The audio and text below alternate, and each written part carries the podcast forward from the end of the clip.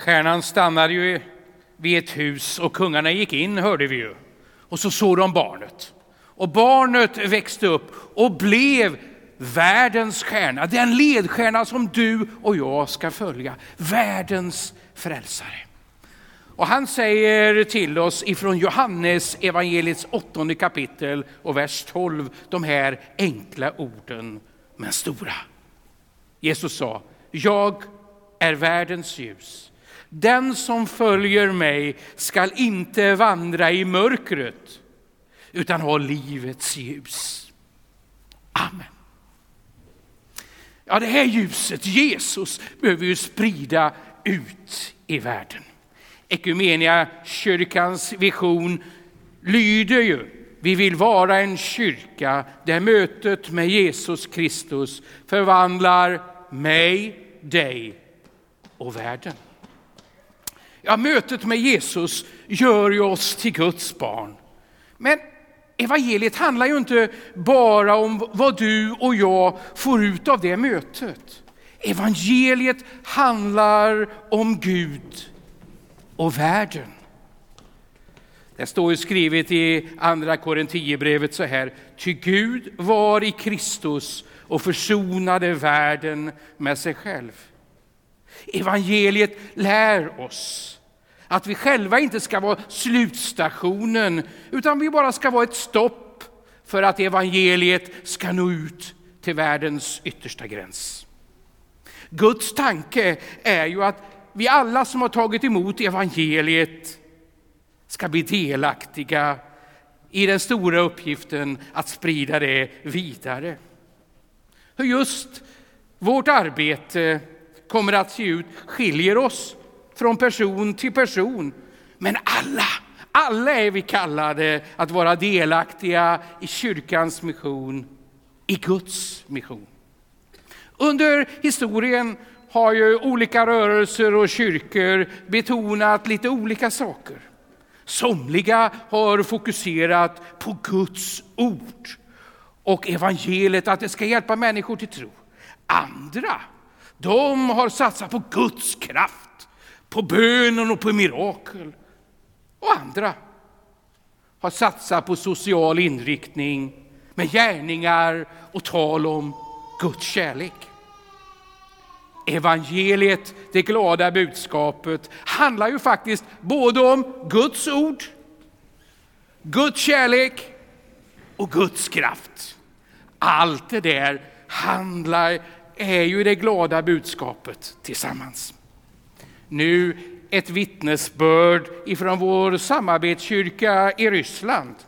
Utanför Novosibirsk, långt borta i Sibirien, finns det en plats som heter Isketim. Förut så var det alltså ett eh, koncentrationsläger, Gulag 4, där de höll politiska fångar, dödade dem. Framför allt så var det tusentals kristna som dödades för att de berättade om Jesus och inte kunde vara tysta med det. Nu så växer det en församling fram så är det ju.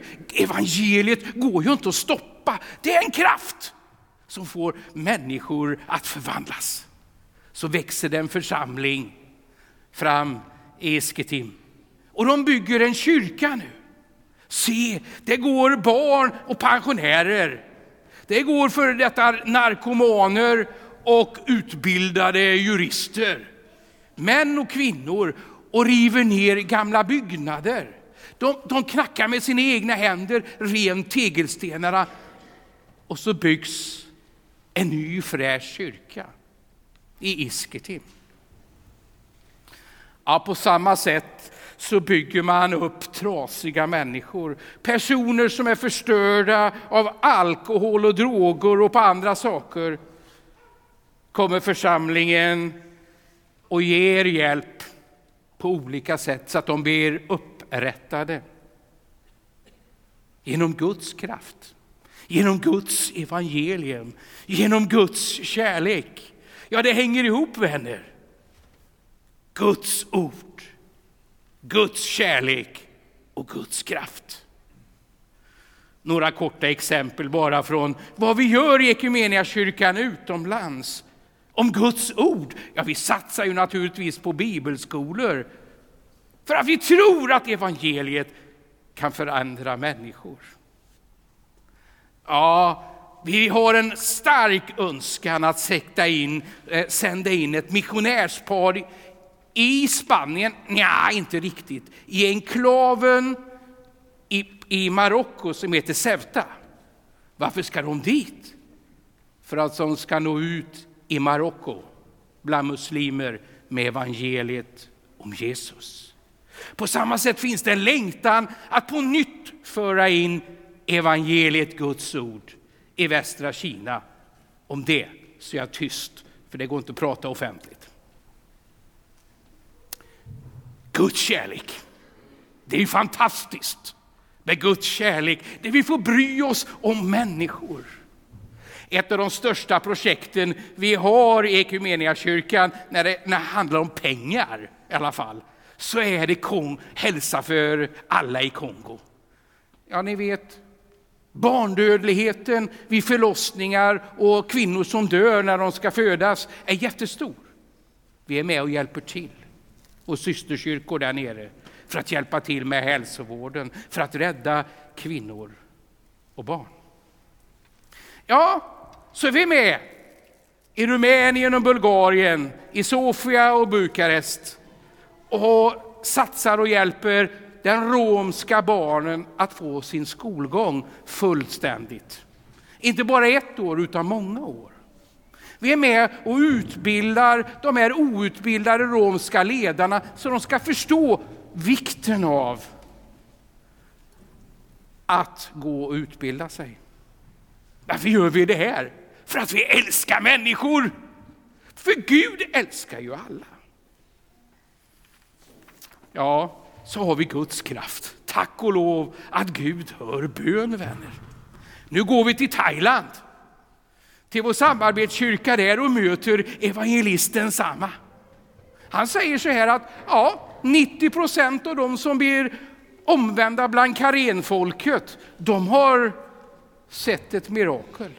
Och så berättar han följande, jag kan inte vara tyst om det här när jag läste det här. Samman berättar. Jag fick en kallelse att åka till den där byn. Det hade varit en pest, en sjukdom som hade dödat massor med människor. Och då, då kom de här flyende by, byledarna som hade flytt ifrån sina egna byar och berättade, Saman kan inte du åka till de här byarna och be för dem? Saman sa, mm, mm, mm, mm ja. Livrädd. Och så fort som möjligt gick han runt i byn, för han var ju livrädd att själv få sjukdomen och dö. Och så åkte han hem. Bad väl väldigt mycket till Gud att han skulle bli räddad och inte bli smittad. Sjukdomarna eller den här gav vika och så småningom åkte Saman tillbaka till byarna och så träffade han en av byledarna som kom fram till dem. Och Saman hade på sig sin sorgsna min och skulle börja beklaga sig över alla döda. Det byledaren ropar. Alla, alla du bad för, klara sig. Nu måste du berätta om evangeliet, om denne Gud som svarar på bön. Där växer församlingarna så det knakar. Guds kraft, Guds kärlek och Guds ord. Så nu är frågan till mig, dig. Vad kan vi bidra med? Vad kan Linköpings missionskyrka bidra med när det gäller Guds ord, Guds kärlek och Guds kraft här i Linköping och ut i världen? Jesus är född. Evangeliet brinner. Den kraft som gör trasigt så att det blir helt. Den kraft som gör att syndiga människor få förlåtelse. Den kraft som gör att utdömda av världen kan bli upprättade på nytt igen. Så låt oss vänner leva nära stjärnan Jesus så att vi får del av hans kraft Så att den kraften kan verka genom mig och dig. För Linköpings skull, för världens räddning. Amen.